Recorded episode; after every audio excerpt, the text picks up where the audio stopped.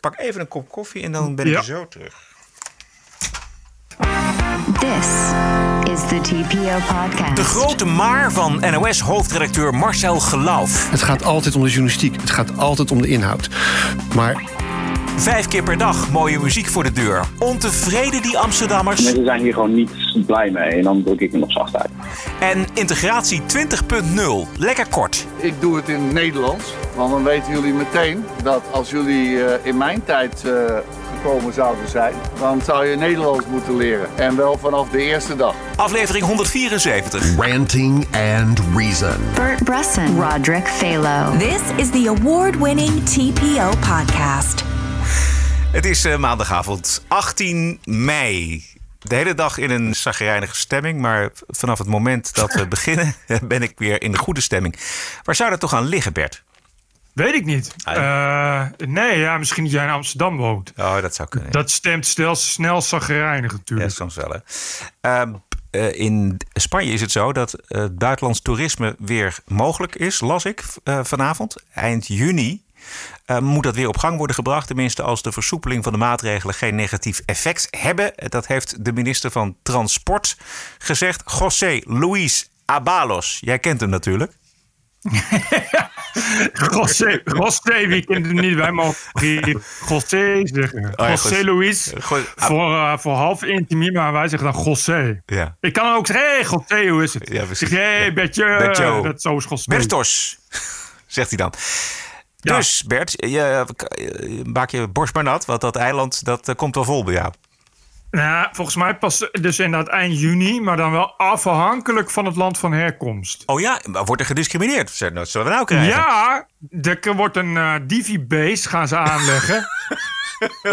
en dan eh, mag je alleen het land binnen als je op groen staat in de Divi-base. Niet op rood of oranje.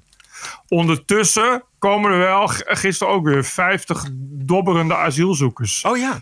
Vlak voor de kust hier in eh eh, Maspalomas opgepikt. Ja, wat gebeurt daarmee? Wederom. Die, een beetje hetzelfde als in Nederland. Die gaan naar een, een centrum. En dan gaat er van alles gebeuren om ze uit te zetten, wat dan meestal niet echt lukt. Oh ja. Dan soms worden, ja, het is hier wel iets beter. Dus ze worden wel zo snel mogelijk wordt dat, eh, wordt dat weer doorgevoerd. Maar ze gaan dan eh, eh, in elk geval hier naar de hoofdstad. En dan krijgen ze allemaal een asiel. eh, Ze krijgen, gaan natuurlijk allemaal een asielaanvraag doen. Ja. Maar wat ik ervan weet is dat ze eh, wel sneller worden verwerkt. En ook weer sneller uitgezet als ze geen aanvraag krijgen. Ja, want jij, ik heb jou wel eens eerder horen vertellen dat Spanje een heel eh, strak regime heeft met, met Marokko. Dat ze dus snel ook weer terug kunnen. Dat heeft ook te maken met volgens mij de geschiedenis die Spanje en Marokko Ja. samen hebben. En ze liggen natuurlijk ook al duizenden, miljarden jaren naast elkaar. Ehm, en ze hebben niet de staatssecretaris die wij hebben voor immigratiezaken. Dit scheelt ook een hoop volgens mij. Volgens Knol gaat er nu alles, echt alles aan doen om zaken beter te maken. Maar nu echt. Dus we kunnen nu echt. Vandaag las ik dat weer. Ja. Oeh, medewerkers van het COA. Ik weet niet of dit een item was wat je op de agenda had staan. Maar anders zeg ik het vast even. Nee, vertel maar.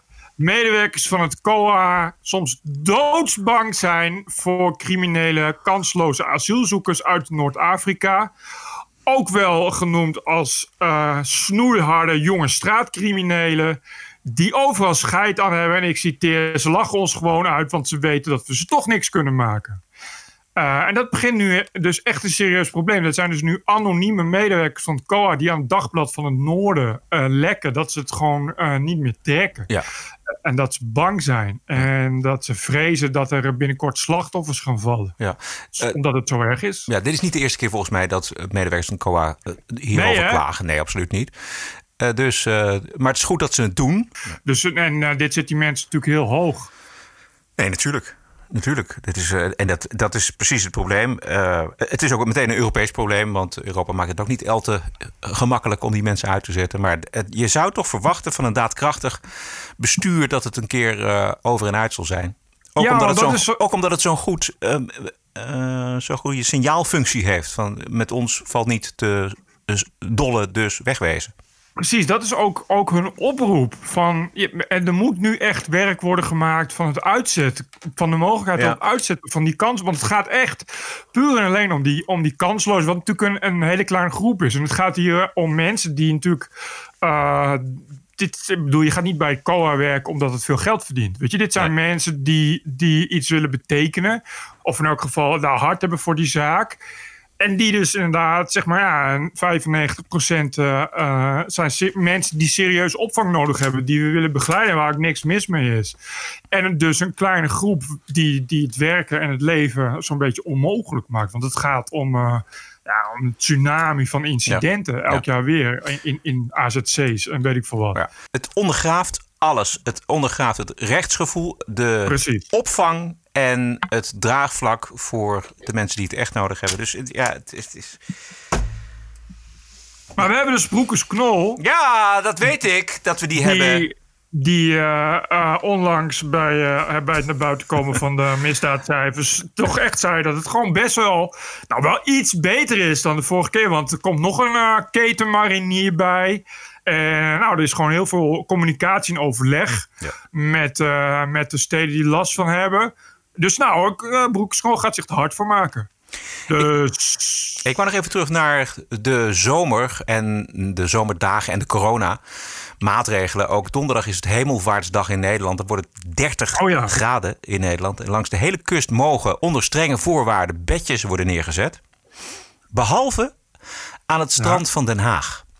Daar baalt de keurige Anniette Philipsen van de Vereniging van Strandexploitanten Scheveningen van enorm. Wat we heel graag willen is net als eh, de andere badplaatsen, eh Wassenaar, Noordwijk, eh, Hoek van Holland, Zeeland, onze bedjes verhuren. Want het wordt prachtig weer. We kunnen de omzet gebruiken en we willen gewoon heel graag dat de gemeente Den Haag eh, ook daarmee instemt. Ja, met excuses voor het muziekje, maar dat, dat muziekje was afkomstig van eh, Den Haag FM. Dus het is zo dat eh, langs de hele kust mag het wel, behalve in Den Haag. Eh, op hun knieën zijn de exploitanten gegaan.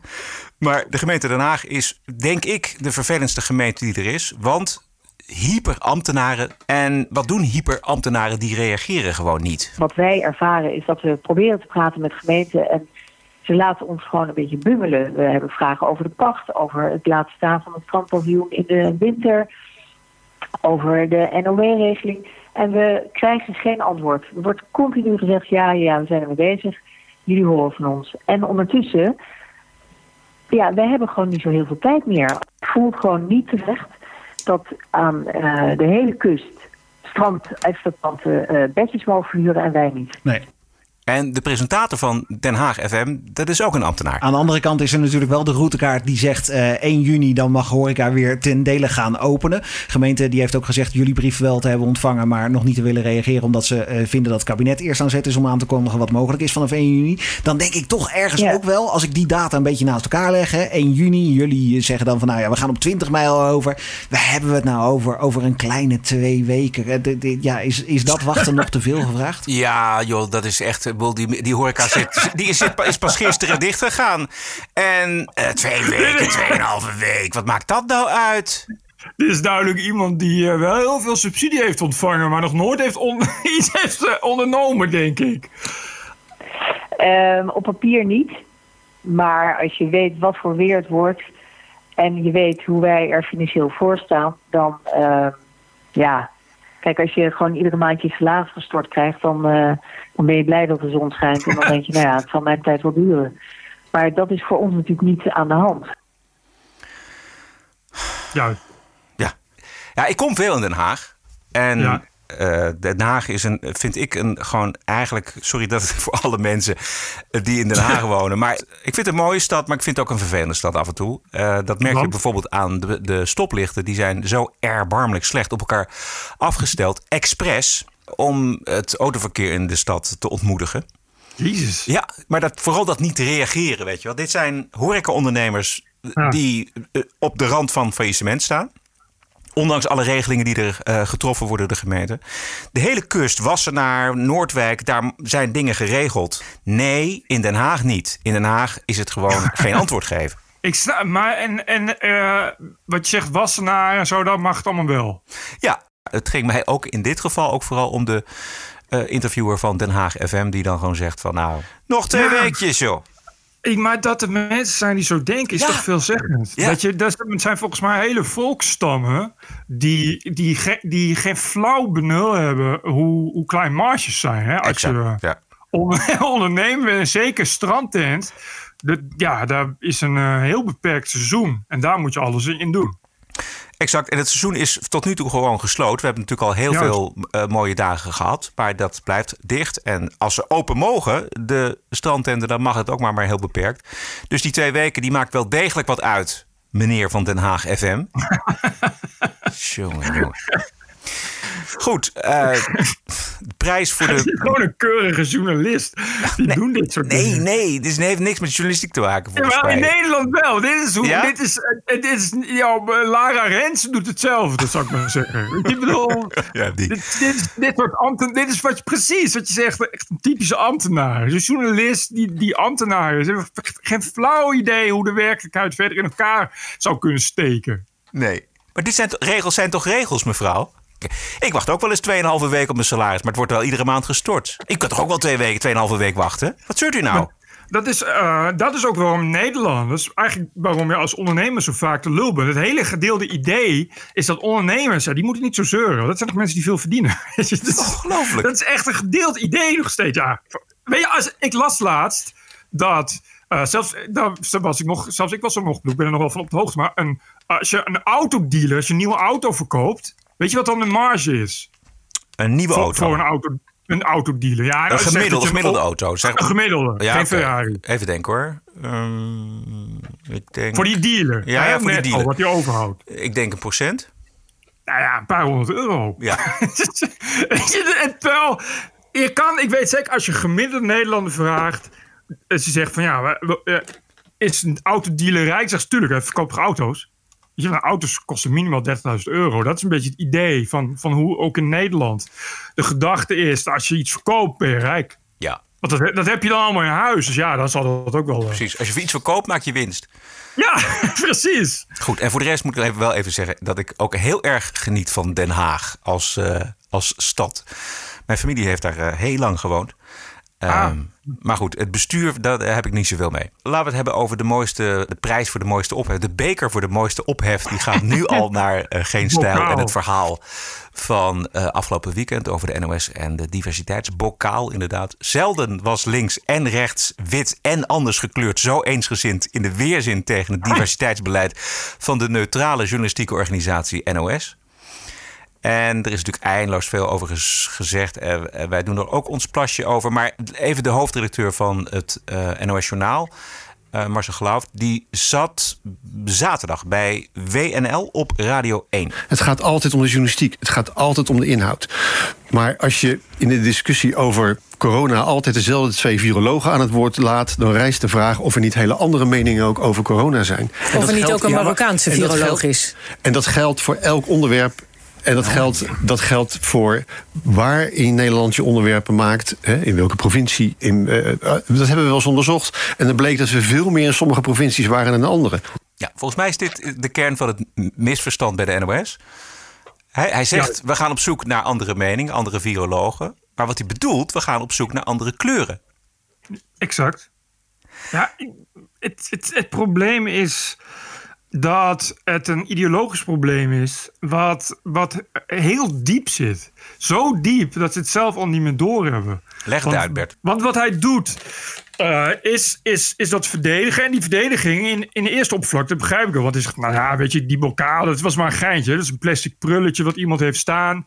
En dat is uh, meer een geintje op de, op vrijdagmiddag. Weet je, voor vrijdagmiddagborrel. Ja. Wie heeft diversiteitsbokaal gewonnen. En uh, uh, bovendien, die Divi-database, ja, daar kun je veel van vinden. En natuurlijk is dat wel racistisch, maar ja, dat is hoe, die, een database werkt. Die database staat ook in uh, uh, wat iemands beroep is en waar die bekend van is. Het is gewoon handig omdat je snel iets wil zoeken. En hij zegt dan van ja, maar dat is gewoon alleen omdat we, omdat we we maken nieuws voor iedereen, dus iedereen moet zich daarin herkennen. Oké, dat is prima. Het probleem is dat zijn nieuws uh, ondergesneeuwd raakt door die diversiteit. En dat zie je terug in die context die ook geen stijl laat zien. Want die citeren dan uit die mailtjes. En dan blijkt dat als je die divi-bokaal wint, dan win je dat omdat je in de tussenshots zoveel, zoveel vrouwen hebt. Weet je? En, en daar gaat het mis. Want dat betekent dat je dus geen nieuws meer maakt, maar bezig bent met zoveel mogelijk vrouwen in tussenshots te stoppen. Ja, of gekleurde mensen. Of gekleurde mensen. Dat betekent dat je die journalisten dan aan het uitnodigen bent om dat zoveel mogelijk divers te doen. En dan pas met het onderwerp bezig te zijn. En dat is het probleem. Het is een obsessie. Dat, dat zeiden ook uh, in de Telegraaf ook uh, anonieme bronnen. Die zeiden van ja, deze, bij de NOS hebben ze gewoon echt nog een obsessie met huidskleur. En dat is, is al heel lang. En dat, dat dat zit daar heel diep onder. En daarvan zijn dit symptomen. En dat is wel iets wat die geloof de hele tijd niet wil zien. Je kan wel zeggen, ja, ik wil een journaal voor iedereen maken. Of nieuws voor iedereen maken. Dat is allemaal leuk en aardig. Maar dat doe je aan de hand van de onderwerpen. En uh, het is echt niet raar om als je een onderwerp maakt over Marokkaanse jongeren, om de Marokkanen aan het woord te laten. Daar is niemand die erover zeurt. Het is wel raar dat als je een, een, item maakt over Nederlandse jongeren, dat je dan ook een Marokkaan aan het woord laat, omdat je anders vindt dat je te weinig Marokkanen aan het woord laat. Bovendien. Maar wacht even, is, waarom is, zou dat verkeerd zijn? Want mij gaat het namelijk heel erg om de intentie. Het gaat mij. Ja, nee, als je dat dus doet omdat hij Marokkaan is. Omdat je anders zegt van ja, anders heb ik te weinig Marokkanen in mijn, in mijn onderwerp. Het gaat erom wat die iemand te vertellen heeft. Weet je, je als, als, je, als je iemand is een expert, moet het verder niet zo uitmaken van welke afkomst die expert is. Je maakt nieuws, dus je wil de beste expert. Daarover zat ook in de uitzending uh, eh, VVD Tweede Kamerlid uh, Johir El Yassini. Ik hoop dat ik het goed uitspreek. Maar hij, hij noemde dit punt. De viroloog waar we het net over hadden was een goed voorbeeld. Zo dan twee virologen die bij wijze van spreken uh, blank zijn... die altijd op televisie komen en je wilt dan wat anders. Waar ga je daar nou op zoek? Ga je daar nou op zoek naar een ander verhaal en inzicht en perspectief? Of ga je op zoek naar een ander kleurtje? En dat, dat, dat is mijn vraag. Want dat is wat ik constant weer zie. Het wordt gedaan alsof de afkomst representatief is... van een verschillende of andere mening. Ik kan u wel vertellen... Nee, een afkomst niet door ons. Door ons wordt dat niet gedaan. Nee, maar waarom zou je dan Hoe zou als het nieuwszender... Ja? Je zou moeten kijken naar wat de andere perspectieven zijn. Wat de andere waarden zijn. Wat de andere levenshoudingen zijn. Kijken naar hoe iemand in elkaar steekt. En dan maakt het echt niet meer uit wie iemands afkomst is. Want je kan een blanke persoon in een achterstandswijk interviewen... en dan krijg je een heel ander verhaal dan iemand uit Wassenaar. Maar dat geldt hetzelfde voor iemand met een Marokkaanse origine. Als je iemand in een achterstandswijk uh, vragen stelt over zijn leven... dan krijg je hele andere antwoorden... dan een Nederlander met Marokkaanse afkomst... die uh, een tuin heeft van, van, een, van een paar vierkante kilometer... bij wijze van spreken. Dat zijn totaal verschillende verhalen... want het zijn totaal andere levens. En wat ik het gevoel heb, is in plaats van dat we gaan kijken naar individuen... en daar heeft Arno Grunberg nog op 4 mei wat over gezegd... gaan we kijken naar welke groep pas je. En dan gaan we op basis daarvan dan bepalen. Dat is dan op een gegeven moment diversiteit. Dat is geen diversiteit. Precies. Diversiteit in de gedachten van de NOS en heel veel omroepmensen, maar in heel grote delen van Nederland is kleur en gender. Ik, ik ga nog even wat extra mensen van kleur, want dan is het divers. Ja. maar dat slaat natuurlijk nergens op. En bovendien, wat ik ook raar vind, is om uh, te denken dat. Uh, um, dat anders mensen zich niet in herkennen. Volgens mij uh, zijn het alleen Nederlanders die naar het nationaal kijken. En mensen die zich daar niet in zouden herkennen, die kijken volgens mij geen journaal bedoel, ik bedoel, uh, Marokkanen en Turken die, uh, die, die niet integreren, die kijken ook geen nationaal namelijk. Dus waarom zouden die überhaupt zich willen vertegenwoordigd zien in een nationaal? Die, als, je, als je naar het nationaal kijkt dan, en je kan gewoon Nederlands verstaan en je hebt daar kennelijk interesse in om naar het nationaal te kijken, dan voel je je vertegenwoordigd als Nederlander. Ja. En niet, niet als Marokkaan. Nee, maar de gedachte bij de NOS is, als wij meer mensen van Turkse of Marokkaanse afkomst uh, voor de camera hebben, als die te zien zijn in het NOS-journaal, dan gaan er vanzelf ook mensen, meer mensen uit die bevolkingsgroepen kijken. Ja, dat is toch een hele rare gedachte. Ja, zij denken dat. Het is, het is, in, in Hilversum is dat helemaal geen rare gedachte. Dat, en, en, en, niet alleen in Hilversum, maar ook bij kranten. Dat zie je, dat zie je voortdurend. Nee, maar ik snap wel, kijk, als je zegt van, ik vind mijn redactie niet divers genoeg, dan snap ik dat. Dat je zegt van, ik heb alleen maar blanken uit, uit, uit het gooi. 100%. Alleen maar blanke mannen en vrouwen. Dus ja, dan wordt het wat lastig om, om ook aansluiting te hebben met bronnen uit het Marokkaanse nachtleven. Of, of uit, de, uit de Turkse straatcultuur. Snap ik dat je dan zegt van, ik wil, maar, ik wil mijn redactie toch iets diverser maken, zodat ik ook wat diverser onderwerpen kan maken. Maar als je dat gaat doen over in ja, eigenlijk met een soort stopwatch of met een, met een tabel. Dat je gaat tellen. Dat je blanke mensen gaat tellen en, eh, en zwarte mensen gaat tellen. Zeg, nou nee, deze week toch een beetje weinig gekleurde. Er moeten nog wat extra tussenshots in. Met mensen met een andere huidskleur. Ja, dan ben je toch bezig aan propaganda en niet met nieuws. Dan ben je volgens mij bezig een of andere boodschap te, te, te uh, uh, verdekt te verpakken. die je via het nieuws naar buiten wil brengen. Maar daar moet je dan niet mee bezighouden. Nee, nee, de voorrang wordt volgens mij gegeven bij de NOS aan kleur. Of het individu is ondergeschikt aan hun kleur. En als hun kleur uitkomt in het item, want je wil dan die bokaal winnen of je wilt een, een goed achter je naam op de redactie, dan. een vinkje. Ja, dan, dan is het, het individu ondergeschikt aan de, aan de kleur. Dan, dan ga je voor de kleur. Dat is, dat is het, het perverse aan, aan zo'n bokaal. Ja, want dan, dan, dan heb je dus, stel je hebt een scoop. En dan kijkt die, die geloof, die zegt van, ah, goede scoop. Oh, jammer dat er niet, niet ja. veel vrouwen en transgenders in zitten.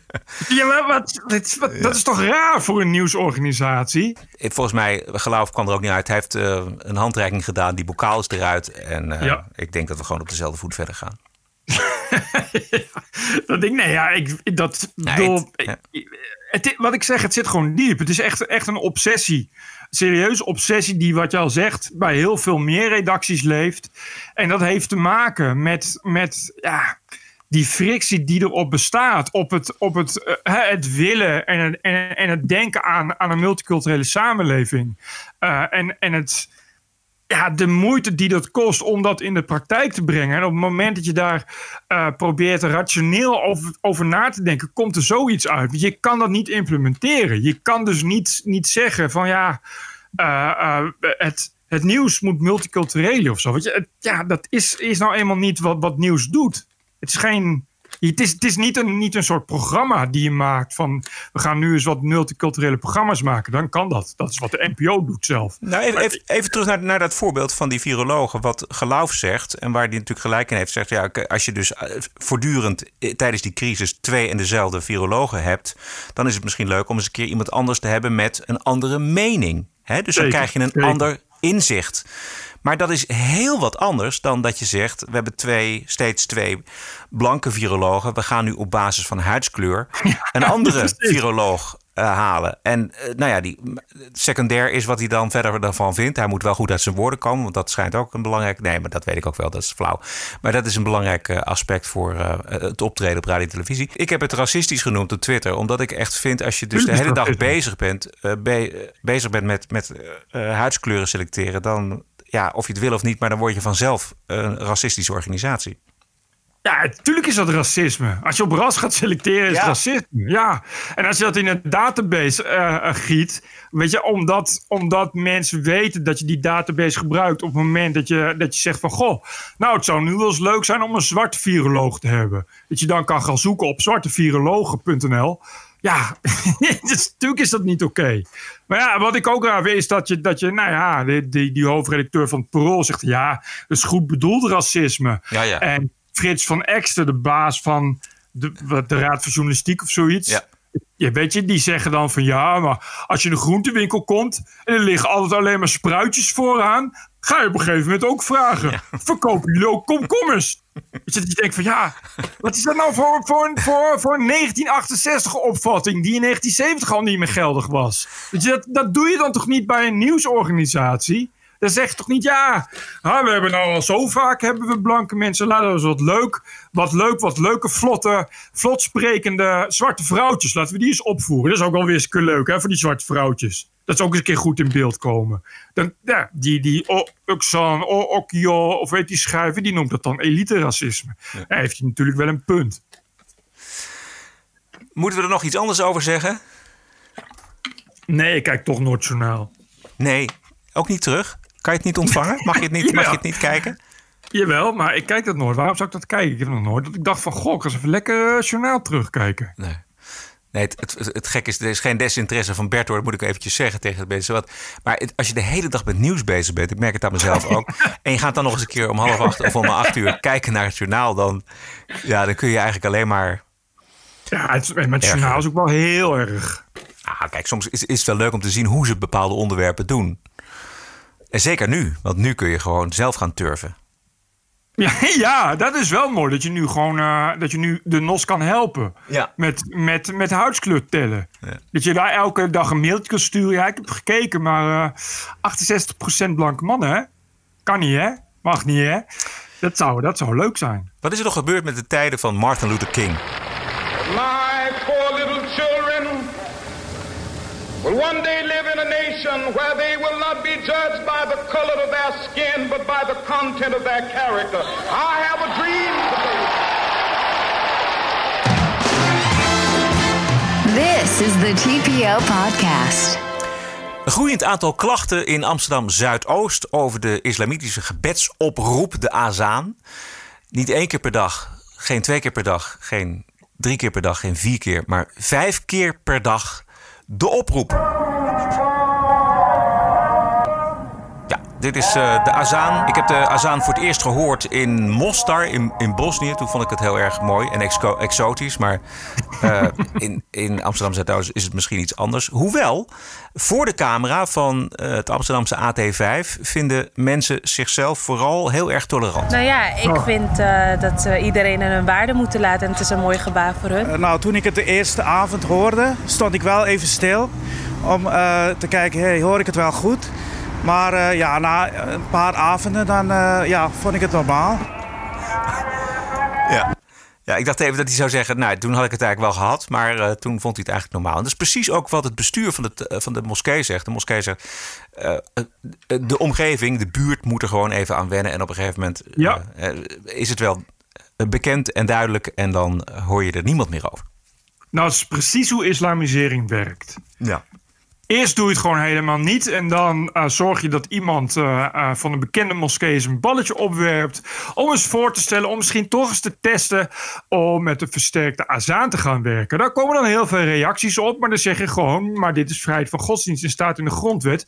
Bovendien zoek je een heleboel mensen die daar niet wonen. maar wel GroenLinks stemmen of D66. die toch zeggen: hé, hey, en de kerkklokken in Urk dan. Ja. Waarop je vervolgens één keer per vrijdag de azaan mag laten klinken. Dan wordt het coronavirus en zeg je, weet je wat, ik ga het doen. Ik ga het twee keer per dag doen, want we moeten nog even wennen dat de mensen nu weer terug mogen naar de moskee.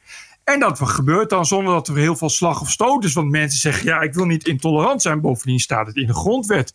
En de kerkklokken in Urk dan, daar worden we ook elke zondag mee wakker gebuierd. Dus komt er een test waarop het twee keer per vrijdag gebeurt. En zie daar, nog geen week later is er ineens al vijf keer per vrijdag. En iedereen die hierover klaagt, krijgt te horen dat je daar wel aan went. Wat klopt, je went er ook aan. Precies het idee achter islamisering. Als de mensen eraan gewend zijn, kun je weer een stapje verder. En kan je moskee weer iets harder en iets hoger. En nog een moskee. En kun je ook de azaners wat vaker laten, laten klinken op andere dagen. Zo gaat dat. En de mensen die er eigenlijk toch wel bezwaar tegen hebben, misschien niet tegen één keer, maar wel tegen vijf keer voor je deur, die zeggen dat niet in het openbaar. De vroegste gebedsoproep gebeurt ongeveer om nou, tien voor half zes ochtends en de laatste om uh, tien voor half twaalf s'nachts. Ja, het lijkt gewoon alsof er drie minuten lang, want wat zo lang duurt de gebedsoproep ongeveer, uh, om half zes, drie minuten lang iemand voor je slaapkamer aan staat te zingen. M mensen zijn hier gewoon niet blij mee en dan druk ik hem op zachtheid. Juist. Ja. Maar er is niks jij... tegen te doen, Bert. Uh, en dat is, dat, ja, we lopen toch weer achter de feiten aan. Dit we, klopt. Ja, we hebben daar, uh, nou, zeker een half jaar, of een, als niet een jaar, uh, toen dit ging spelen in Amsterdam-Oost, hebben we het erover gehad. Of Amsterdam-West, volgens mij. En toen hebben we dat ook uitgezocht, hebben we Halsema ook laten horen uh, ja, je kunt, er, je kunt er niet zoveel tegen doen, want het heeft allemaal met de vrijheid van godsdienst te maken. Tenzij je de wet aanpast of tenzij je zegt van nou ja, maar wacht even, dit is overlast voor de buurt en we gaan daar grenzen aan stellen. Niet alleen aan het geluid, want je kunt grenzen stellen aan, aan, het, aan het geluid. Dus dan kun je ook grenzen stellen aan de hoeveelheid. Eén keer, nou, het zou best kunnen, zeker in een buurt waar veel uh, moslims wonen. Maar vijf keer per dag, man. My god, man. Dan dan ga je dus verhuizen als je je huis nog verk- verkocht krijgt. Nou, exact. Maar ja, goed, zo, gaat het, zo is het gegaan. Maar zo ging het altijd. Ging het ook met de bouw van de moskee. Wat denk je dat de Westermoskee... Weet je, dat was... eh, dat is eh, toch niet een kleine moskee. Als, je daar, eh, als je daar bent in de buurt, denk je van... Goh, dat is toch wel, toch wel een dominante moskee. Ben ik hier in Saudi-Arabië? Oh, nee, het is Amsterdam. wat is het? West? Of Oost? Nee, ah, West. Westermoskee. Ben ik hier in eh, Saudi-Arabië? Nee, je bent gewoon in Amsterdam. Oh, oké. En dan, als je daar dan woont, dan ben je daar aan die moskee. En dan komt dus de Hazan en daar ben je dan ook aan. En eh, ja, ik, maar ik voorspel het je, want dit hebben we ook precies zo voorspeld. Dus het eerste wat, wat ik zei is, eh, als je dit gaat doen, dan is het straks, gaan alle moskeeën in Nederland het doen. En is het geen één keer per dag, maar meerdere keren per dag. Je weet nu al dat er straks eh, in de omgeving van de moskee komt dan de vraag of je niet in bikini op balkon wil zitten. Eh, en of, eh, weet je, of, je op, of je op vrijdag misschien niet de hele tijd in de buurt van de moskee wil lopen, maar een blokje omlopen. En of de vrouwen dan misschien een hoofddoekje kunnen opdoen als ze daar in de buurt lopen. Noem het allemaal maar op. Weet je, of de supermarkt in de buurt, of die dan eigenlijk alleen maar halal kunnen verkopen. Ja. Dit is hoe het de hele tijd gaat bij islam. De hele tijd. Maar ja, dan moet je maar een ander eh, gemeentebestuur eh, kiezen. Ja, ja, maar goed. Nee, je hoort, je ziet het dan als je nou met een camera naar buiten gaat. Buiten de mensen ook voor elkaar heen. Om te laten zien hoe tolerant ze zijn. Ja. En hoe ze deugen. Ik betwijfel of die mensen daar ook zelf in de buurt wonen. Dat zal dan wel niet. Ah jawel, dat waren mensen die zeiden dat ze het hoorden. Maar goed, het zijn zelf ook minderheden. Dus dat dan, die hebben daar nog iets mee te winnen. Ja.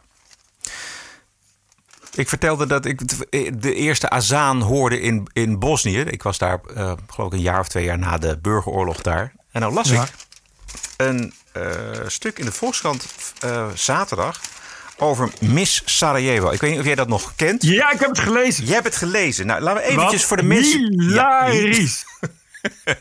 Even een klein stukje. eh, nou, laat ik het eerst even heel kort vertellen. Ehm, in het laatste jaar van de burgeroorlog daar in Sarajevo eh, was er een misverkiezing. En die misverkiezing die werd gewonnen door een meisje. Daar met dat meisje stond een interview in de Volkskrant mee afgelopen zaterdag. En welke onthulling doet zij? Namelijk dat eh, de grote weldoener Bono, de zanger van U2. Ze hebben dat gewoon gejat. Ze hebben het gewoon gejat. Het gaat om dit nummer.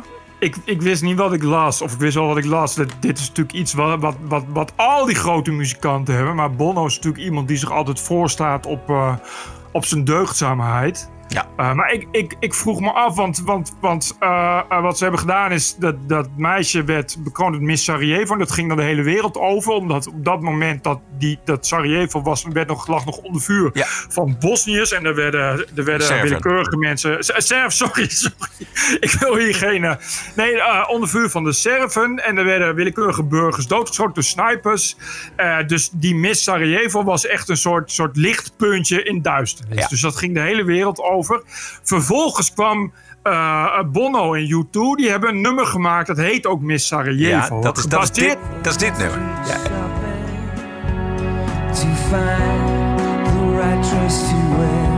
Ja, ga door. Gebaseerd dus op die verkiezing van die Miss Sarajevo. Dat is allemaal nog tot daar aan toe. Maar ze hebben daar een videoclip van gemaakt. En gewoon die beelden gebruikt van die Miss Sarajevo. Gewoon, want daar waren natuurlijk beelden van. Die zijn over de wereld gegaan. Dat dat, meisje werd uitverkoren. En dat was heel blij, et cetera. Ja, wat heel raar is. Want die beelden, ja, die zijn van iemand. Dat, dat meisje heeft gewoon ook portretrecht en zo. Precies. Dus dat meisje, dat is nu, eh, die is nu, eh, wat is 44, 45. Die heeft al 20 jaar lang er gaan haar, is, staan, haar, staan haar beelden eh, in een clip van U2. Wat, wat inmiddels ja, een miljard mensen hebben die clip wel een keer gezien. Zonder dat ze daar ooit ook maar een cent voor heeft gekregen. Of zelfs ook maar ooit iets van heeft gehoord van U2. Weet je, zonder dat, die, dat U2 ook heeft gezegd... Goh, zouden we die beelden mogen gebruiken? Weet je, hier heb je 10.000 euro. Of, of gewoon niks. Precies. Jullie, jullie, hadden, niks. jullie hadden het niet zo goed daar in Sarajevo. Kunnen- Zullen we iets terug doen? Ja, maar dat. Nee, helemaal niet. We laten zien aan de buitenwereld hoe, wij, hoe sociaal betrokken wij zijn. En we verdienen er nog heel veel geld mee ook. Ja, en, en precies, dat is het. Dus die, die Bono heeft tientallen miljoenen verdiend. Ah, m- met een nummer wat over iemand anders gaat. En die iemand anders heeft daar gewoon helemaal niks voor gekregen. Weet je, het is gewoon puur ja, geld verdienen op leed. En er staat dan wel in het verhaal wel dat ze uiteindelijk heeft ze dan zelf eh, eh, moeten mailen naar, naar, naar het management van U2 van kunnen jullie me uitnodigen voor een concert? Eh, eh, en, en daar heeft ze dus zelf moeten doen. En ze kreeg zelf helemaal niks, niks van, eh, daar allemaal niks van te horen. En toen zeiden die mensen, nou ja, vooruit. En toen mocht ze dus inderdaad backstage. En toen mocht ze mee naar een of ander, eh, een of ander weekend met, Ja. met die bandleden. En waar- waarbij dan ook nog zei van, ja, die, die Bono heeft nooit excuses aangeboden... of ook maar iets erover gezegd. Weet je, die hebben gewoon met z'n allen feest aan vieren. En ja, dat, dat was het. Ik dacht wel van, daar had toch, ja, het is nu natuurlijk verjaard, maar daar had natuurlijk wel een serieuze rechtszaak in gezeten.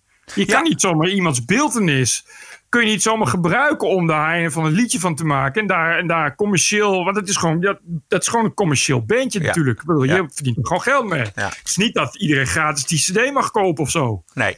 En als ze nou nog de opbrengst voor een groot gedeelte aan haar of aan Sarajevo of aan een goed doel hadden gegeven, dan was er niet, niks aan de hand geweest. Maar dat, zo, zo werkt het helemaal niet bij Bono. En het werkt nog meer op andere fronten werkt het ook niet. Want hij doet het wel voor als, als weldoener. Maar hij kruipt ook gewoon hier op de Amsterdamse Keizersgracht eh, met een kantoortje om de belastingen in Ierland te ontlopen. Ja, ja, ja. Nee, ik weet, ik weet uit, eh, uit de- hoe zeg je dat, tweede hand, derde hand. In elk geval, eh, ik heb daar een bron van gesproken. Dat eh, Bono is, is, is iemand die, eh, eh, ja, het is echt een gewiekste zakenman. Die heeft heel veel geld, eh, maar hij investeert in, in heel veel projecten. Eh, het liefst projecten die ook, ook iets goed doen. Maar er moet wel echt winst in zitten. Het is echt iemand die nauwgezet eh, pas, pas investeert. En dan het liefst ook niet te veel. Eh, ja, als, als die ook zeker weet dat het, dat het echt een hoop opbrengt. Ja. Zeg maar. Dus het is echt een geslepen, een geslepen zakenman. Die, ja, die, die, die nou, geld verdienen is, is nummer uno. Ja. Ja, ik weet het, want ik heb daar een keer een column over geschreven. ehm, en uitgezocht hoe, hoe gewiekst die is. En dus hij zit gewoon op de, op de schoot van het groot kapitaal. En eh, doet zich voor als iemand die eh, het voor de zwakkeren opneemt. Hypocrieter dan Bono kan niet. En, en dat vind ik nog niet eens. Ja, nee, nou ja, hypocriet is wel erg. Maar dat is nog niet eens erg, weet je wel. Ik, ik, gun, ik gun hem zijn verder zijn succes en zijn geld. Maar dat je dan bij zoiets, hè, bij zoiets. Dat je dan niet eens de moeite neemt wat je zegt. Dat je dan niet eens even zegt van. eh, geef mij het nummer van het meisje, weet je. Dan bel ik er, dan kunnen we samen op de foto. En, eh, en dan eh, doneer ik aan het dorpshuis in, in Sarajevo, Ja. weet ik veel wat. Je gewoon helemaal niks. Dat je gewoon dat ook ja, via een soort zesde laag van het management overlaat. Dat je zegt van jongens, kunnen jullie even, even kunnen jullie dat meisje even afwimpelen? Weet je, dat is Precies, de, de winnares, de Miss Sarajevo, waar dat nummer over gaat. Wat de titel van jouw dan- eh, singeltje is. Als dat dan jat, weet je, het is helemaal niet erg dat je je door dat soort dingen laat inspireren. Dat is natuurlijk prima, hè? dat is een stukje goed recht. En als je daar een mooi nummer van maakt, maar dat je dan niks van je laat horen. Weet je, dat je dan niet eens, nog geen, nog geen kaartje, gewoon helemaal niks. Goed, we gaan waarderen en doneren. TPO Podcast. Want die TPO-podcast die is weliswaar gratis, hoeft u niks voor te betalen. Maar het maken ervan is niet gratis. We stoppen er veel tijd en liefde en geld in, over geld gesproken. En wat wij van u vragen is welke waarde de TPO-podcast voor u heeft. Is dat nou 1 euro per aflevering of 10 euro in de maand of 100 euro? Welk bedrag is het u waard? U kunt dat bedrag, wat het u waard is, doneren op onze website. En dat is tpo.nl slash podcast. En commentaar en suggesties kunnen naar info.tpo.nl. Ja, ik begin met Edward Kind uit Rotterdam. Bert en Roderick, dank, duizend keer dank. Terwijl ik TPO incidenteel bezoek eh, en Bert Brussen heb leren kennen en waarderen vanuit zijn geen steltijd, heb ik onlangs kennis gemaakt met deze fantastische podcast. En wanneer, net voordat die bizarre COVID-19-periode aanbrak. Luisteren naar de TPO-podcast, wat een zegen. Mij hoor je niet zeggen, mij hoor je niet zeggen, jammer dat ik het nu pas heb gevonden. Want heren, ik ben alweer helemaal blij. Ik ben terug naar nummer 1 gegaan. De tijd doorlopen langs al die bezopen, trieste, hilarische gebeurtenissen van het Nederlands leven en het Amerikaanse leven, wat mij net als Roderick altijd al interesseerde. En waarin het prille begin Bert nog in moest komen. Inmiddels is hij ook hoekt. Uh, tip Bert als opvolger van Erik Mouthaan. Nee, ga weg. en dat alles nu gezien door de blik van mijn podcastbazen. Weg van de COVID-gekte, scrollend door de jaren. Soms lachend, soms hoofdschuddend en maar over dezelfde zaken en ergerend. Opnieuw, ik heb afgelopen week 50 euro in overgemaakt en nu 80 euro voor acht gouden weken. Bedankt, het vriendelijke groet. Edward Kind uit Rotterdam. Edward, geweldig, dankjewel.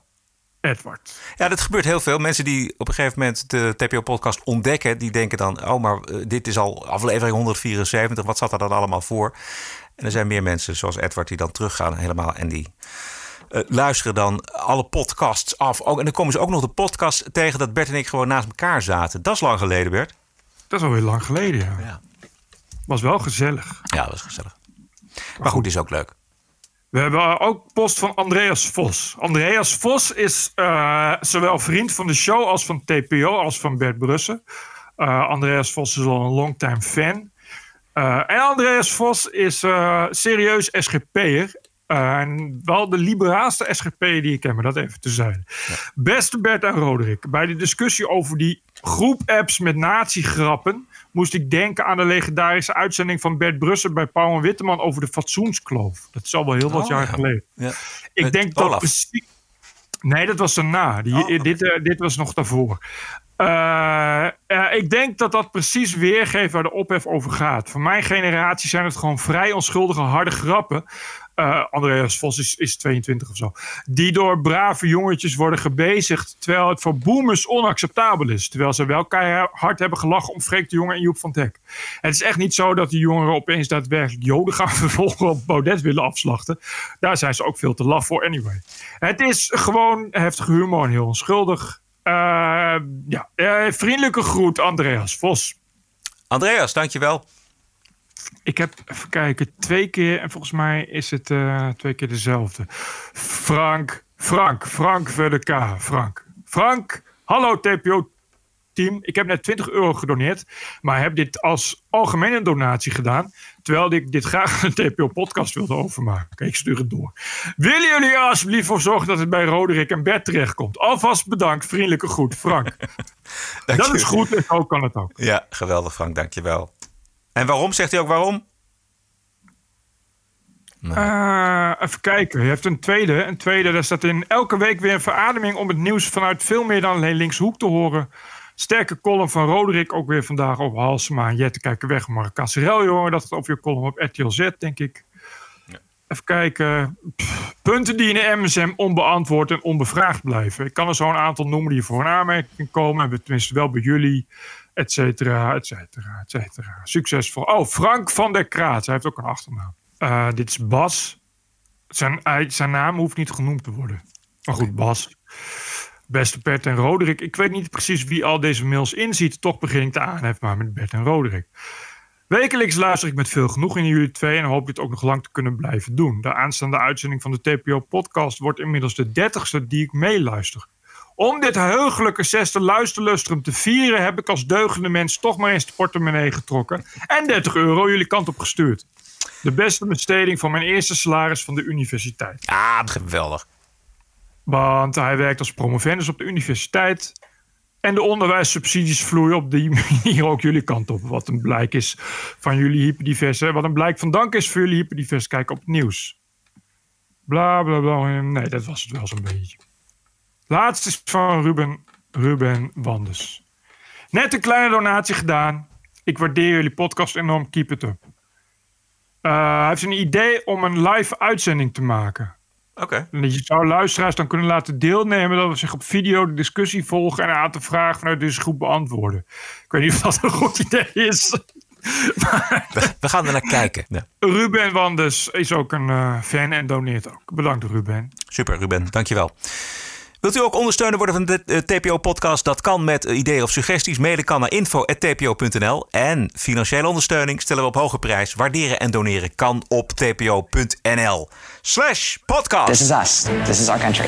This is CNN breaking news. I believe that the president is literally an existential threat. Stop the hammering out there. Who's got a hammer? Make America great again. New York Times and CNN have also smeared veterans like myself. This video was taken during a heated exchange with an unidentified man who called Cuomo Fredo. Stop the hammering. This is the TPO podcast. News 630 WMAL, Washington. Ja, z- zometeen een paar leuke fragmenten, maar eerst de krant. Volkskrant-correspondent Michael Persson heeft de journalistieke onbevangenheid van een Jim Acosta of een eh, Don Lemon. Heerlijk stuk in afgelopen eh, zaterdag in de Volkskrant. Alles is de schuld van Trump. En het blijkt nu ook dat de kritiek van Trump op China... eh, dat dat resulteert in eh, agressief gedrag naar eh, mensen met een Chinees uiterlijk. En dat is allemaal de schuld van Donald Trump. Dus je moet, het niet, je moet China gewoon niet de kritiek geven die het verdient. Want anders dan ben je bezig met hate speech. Nou, ik zal even een korte quote lezen. Door de gecoördineerde pogingen om China en de Chinese regering de schuld te geven, krijgen Aziatisch-Amerikanen met meer haat te maken, zei de directeur van de Chinese Vereniging voor Positieve Discriminatie. Hij heeft allemaal van dat soort mensen geïnterviewd. Het begon, begon toen president Donald Trump en zijn ministers het virus, het Wuhan-virus en het Chinese virus gingen noemen. Moet je ook niet doen. Op een vel waarop een korte toespraak stond uitgeschreven, had de president op 18 maart de woorden coronavirus met een viltstift doorgestreept en vervangen door Chinees virus. En toen, Bert, toen is alle ellende begonnen. Nou, daarvoor eigenlijk al. Maar dat kwam eigenlijk vanaf het moment dat Donald Trump gekozen was als president van de Verenigde Staten. Toen is alle ellende begonnen. Heb je gelezen? Ik, ga, ik sla dat soort dingen altijd over. Ik zag wel, eh, volgens mij, eh volgens mij appte je mij het. En anders was het iemand anders die daar al eh, aan refereerde. Maar het is, het is, ja, enerzijds zou je willen zeggen, het is verbijsterend. Anderzijds ben je er ook wel een beetje aan gewend inmiddels. Ja. Maar gelukkig stond de Volkskrant ook bomvol harde feiten over Obamagate. Oh nee, nee wacht, dat was niet zo. Daarom gaan wij het er nu over hebben, over Obama-gate. Want ik weet niet of je er gezien hebt, maar na eh, Sarah Sanders eh, is het nu de beurt aan de 32-jarige hoogblonde Kayleigh McEnany. Als een mes gaat ze door de ingewikkelde dossiers en de lastige vragen van journalisten. Obamagate. What is it? What are the elements of that crime? Yeah, I'm, I'm really glad you asked because there hasn't been a lot of journalistic curiosity on this front, and I'm very glad that you asked this question. Um, look, there were a number of questions raised by the actions of the Obama administration. Uh, the Steele dossier, funded by the Democratic National Committee, uh, the opposition political party to the president, was used to attain FISA warrants to listen in on conversations of people within the Trump campaign. There was the unmasking the identity of Michael Flynn. Um, and we know that in a January 5th meeting in the Oval Office with President Obama, Sally Yates from the Department of Justice learned about the unmasking, not from the Department of Justice or from the FBI. She learned about it from President Obama and was stunned and could barely process what she was hearing at the time because she was stunned of his knowledge of that. Um, we know that there was a lot of wrongdoing in the case of Michael Flynn. The FBI notes, for instance, that said, um, should we quote, get him to lie as they pontificated their strategy. We know that the identity of this three decade general was leaked to the press, a criminal leak to the press of his identity in violation of his Fourth Amendment rights. These are very serious questions. They've been ignored by the media for far too long. And I'm very glad that I think that is the second question that I have fielded on Lieutenant General Michael Flynn because justice does matter. Those questions, they matter. To be clear, I heard you mention one thing you said was criminal, and that was what? The, the one thing that I've said that was criminal, the leaking of his name and the very real questions that have been raised. But if you want to start talking about wrongdoing in the administration, happy to go through Andy McCabe leaking to the Wall Street Journal um, and then lying about it. Happy to talk about James Clapper lying before Congress, saying the NSA does not monitor phone calls. That was an inaccuracy, uh, to say the least, if not a lie. Um, and John Brennan telling Congress that the bogus Steele dossier played no role in the Russia probe, when in fact we know it did and was the basis of attaining FISA warrants. So uh, there's a lot of mistruths there that were said, many of them under oath. So I would point you to those and the many other real questions that I hope you all will pursue. The president saying that those people should be jailed, the people you just mentioned. I never said that. Those are your words, not mine. But perhaps you should look into it and get me some answers. That is, after all, the job. That is, after all, the job of reporters to answer the very questions that I've laid out. And I hope you guys will take the time to do it. And- Het is een beetje Heel lang, goed. lang fragment, maar het is leuk om, om het allemaal te horen.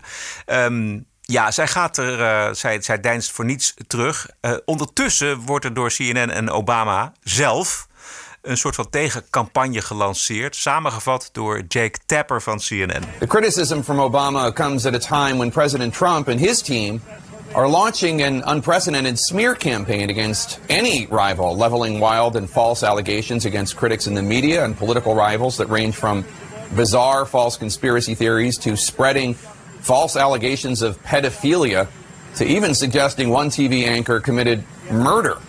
These smear campaigns are unmoored from reality. They're deranged and indecent. They seem designed, at least in part, to distract us from this horrific health and economic crisis. And it is that pandemic that we're going to focus on today. Wat mij zo verbaasd, Bert, ja, verbaasd misschien niet het goede woord, maar wat is er de afgelopen drie jaar gebeurd? Poel, dat Steele-dossier, alle eh, geruchten, alle lekken eh, uit het Witte Huis, allemaal gelekt naar de Washington Post, naar de eh, New York Times, naar CNN. Ze hebben er allemaal van gesmuld en ze hebben er allemaal van Ja. geleefd de afgelopen drie jaar. Ja. En nu keert het verhaal zich tegen hen. En zijn ze ja, met verenigde krachten, met de Democraten, zijn ze bezig om dit te debunken. Ja, ze hebben ze toch, toch drie jaar bezig gehouden met, eh met Russia Gate, gebaseerd op heersee. Ja. Eh, en en, en, eh, en, en mensen die trying to smear. Terwijl, ik, ik weet het niet. Eh, ik zie inderdaad ook heel veel Nederlandse journalisten die, eh, die hard blaren dat allemaal weer Trump en uh, complottheorie is. Maar er zijn toch echt een hoop feiten over Obamagate. Ja, en je merkt het onmiddellijk. Ik zag het ook afgelopen eh, zondag bij WNL op zondag. Hand en Broeken. Die, het, het gaat nooit over de zaak zelf. Hè. Er wordt nooit eh, gezegd van waar draait het nou eigenlijk om bij dat Obamagate. We hebben dat vorige week en de week daarvoor volgens mij uitgebreid eh, behandeld. En het gaat nooit over de inhoud van de zaak, maar het gaat altijd over waarom doet Trump dit, namelijk om de aandacht af te leiden. En dan krijg je een verklaring waarom hij dat doet. Maar, maar niemand gaat er inhoudelijk op in. Ja, wat, wat heel ernstig is, want het gaat om hele ernstige feiten. Exact. Het gaat echt om, om, om hele serieuze breaches of confidence. Om, om echt, om, als het allemaal waar is en het kan worden eh, bewezen. En, het, en als een goede journalist het zou uitzoeken en het naar boven zou halen, is het echt een hele serieuze aantasting van de democratie geweest. Het gaat echt om, om, om mensen op het hoogste niveau van de FBI. Echt organisaties die je, die je moet kunnen vertrouwen. Die bewust, bewust namen hebben gelekt die ze niet mochten lekken. Om, eh, eh, volgens mij, wat is het Flynn, is, is, is bewust belaagd. Terwijl ze wisten dat de rust die hij aan de telefoon had, dat daar helemaal niets mee te maken hadden. Dat ze wisten dat hij dat gewoon kon doen binnen de bestaande regels. Ja. En dat is allemaal heel ernstig. Het lekken van dat het om Flynn ging, dat is hartstikke illegaal. En dat is gebeurd of door Klepper of door, nou ja, door de FBI, door een van, een van die Het is mensen. be- bewust als strategie gedaan. Ja. Op het, en, en dus niet door een klokkenluider, wat normaal zo is. Want normaal heb je, heb je bronnen die zoiets lekken. Maar bewust op het hoogste niveau afgesproken. van laten we dit eens gaan lekken aan de New York Times. En daar zit het grote probleem. Ik heb daarvan een fragment van CNN. Eh, het gaat namelijk over Obama's inlichtingendirecteur van de NSA. Dat is die enorme inlichtingen, eh, binnenlandse inlichtingendienst. Een soort KGB, maar dan op zijn Amerikaans. Eh, James Clapper was daar de, de, de hoofdman bij. Die zat bij CNN afgelopen week.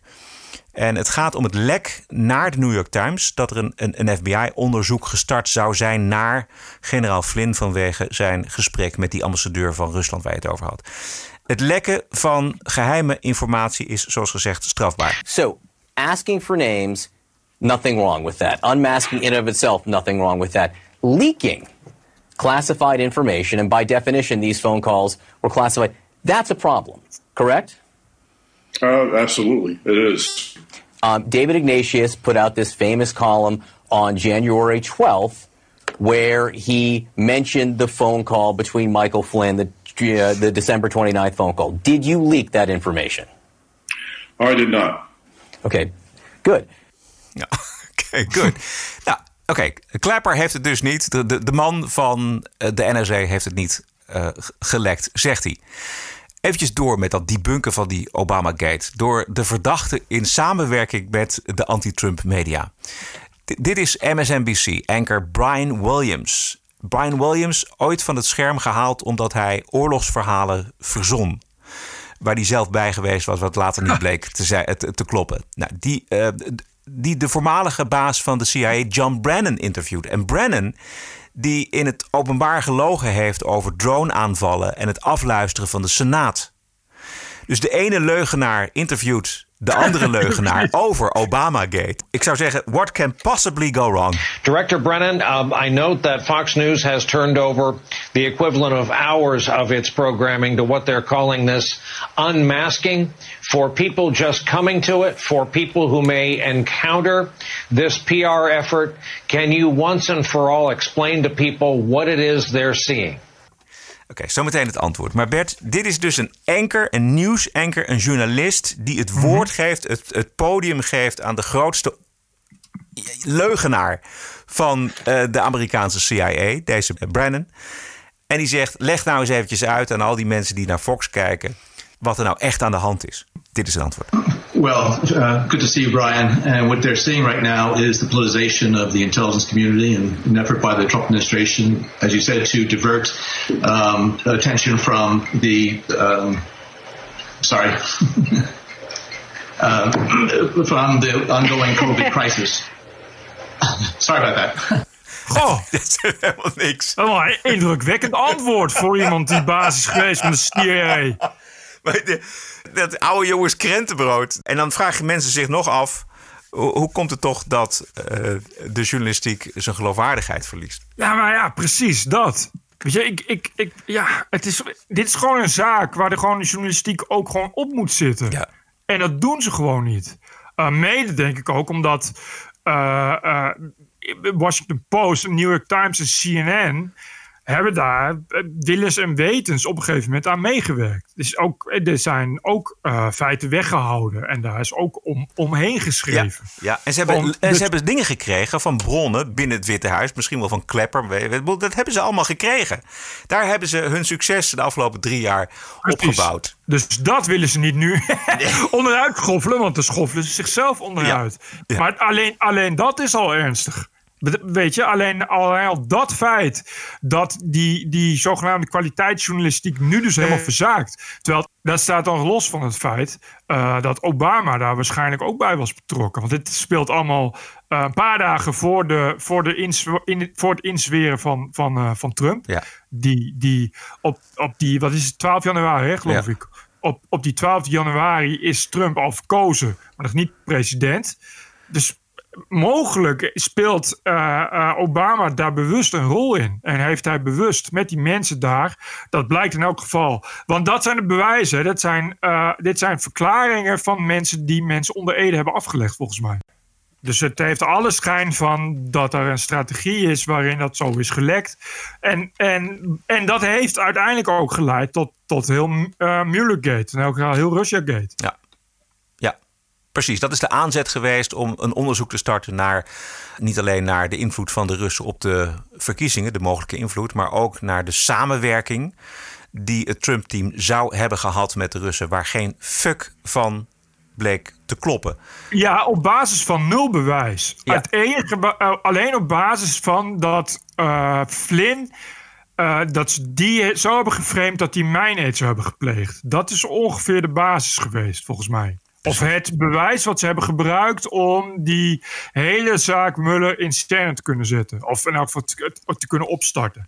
Daar zegt die 32-jarige dame, woordvoerder van het Witte Huis, nog iets moois over. If we want to start talking about fabrication of crimes, we can litigate that case pretty publicly with James Clapper, um, who said what President Trump did with Russia pales, that Watergate paled in comparison. We can talk about Eric Swalwell lying and saying President Trump was working on behalf of the Russians. We can talk about Hakeem Jeffries lying and saying the president was a Russian asset. We can talk about Schiff saying there was ample evidence of collusion in plain sight when in fact there was not. Uh, we can talk about Mark Warner saying there's enormous amounts of evidence of collusion. We can talk about a CNN historian who said there was a smell of treason in the Trump Russia probe when in fact for three years, you all talked about collusion, and there was none. And it was a huge injustice, not just to this administration, but to the American people who deserve truth, not the alleging of absolutely false allegations against this president. Precies. Als je het dus wil hebben over gefabriceerde misdaden en nepnieuws, dan weten we er nog wel een paar. Exact. Ik heb alleen nog een bonusquote, Bert. Heb je nog wat? Hit me. Nee. TPO Podcast. Misschien weet je het, maar de biografie van Louis van Gaal is uit. Hij is deze dagen veel eh, te zien en te horen. Grappig momentje op de training van Ajax bij Fox Sport. Je hoort eerst de huidige trainer, dat is Erik ten Hag, in het Engels. En daarna Louis van Gaal in een andere taal. But also, this break will be time for relaxation. It's also Dankjewel Erik. Ik doe het in het Nederlands. Want dan weten jullie meteen dat als jullie eh, in mijn tijd eh, gekomen zouden zijn, dan zou je Nederlands moeten leren. En wel vanaf de eerste dag. Geen, er zitten een paar buitenlanders in eh, Ajax 1 die, daar, die, die geen idee hebben waar hij het over heeft. Maar dit is wel mooi, het verschil tussen Van Gaal en, de, en Erik ten Hag. Ja, nee, vond ik wel een mooi momentje. Om mee af te sluiten. Verder, ik zeg verder niks. Qua, qua andere talen spreken in andere landen. Precies. Bert. In ieder geval, tot zover deze aflevering. Wij bedanken uh, iedereen die deze week gedoneerd heeft voor de TPO-podcast. Geweldig. Dat kan anoniem. Het kan ook met naam en toenaam. In het laatste geval, laat ons vooral weten uh, in een berichtje uh, wat je van ons uh, vindt en of er nog op- en aanmerkingen zijn. Vinden we leuk om te horen. Ons adres is info.tpo.nl. Financiële ondersteuning kan op een aantal manieren. Kijk op tpo.nl slash podcast. Wij zijn terug aanstaande dinsdag. Heb een mooie week en tot dinsdag.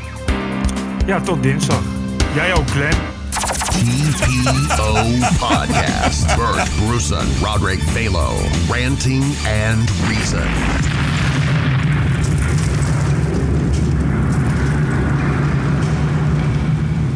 I happen to be taking it. I happen to be taking it. Hydroxychloroquine? I'm taking it. Hydroxychloroquine. When? Right now, yeah. Yeah, when? A couple of weeks ago, I started taking it. Podcasting is the TPO podcast in the Netherlands. Bert and Roderick. What a show. I'm telling you.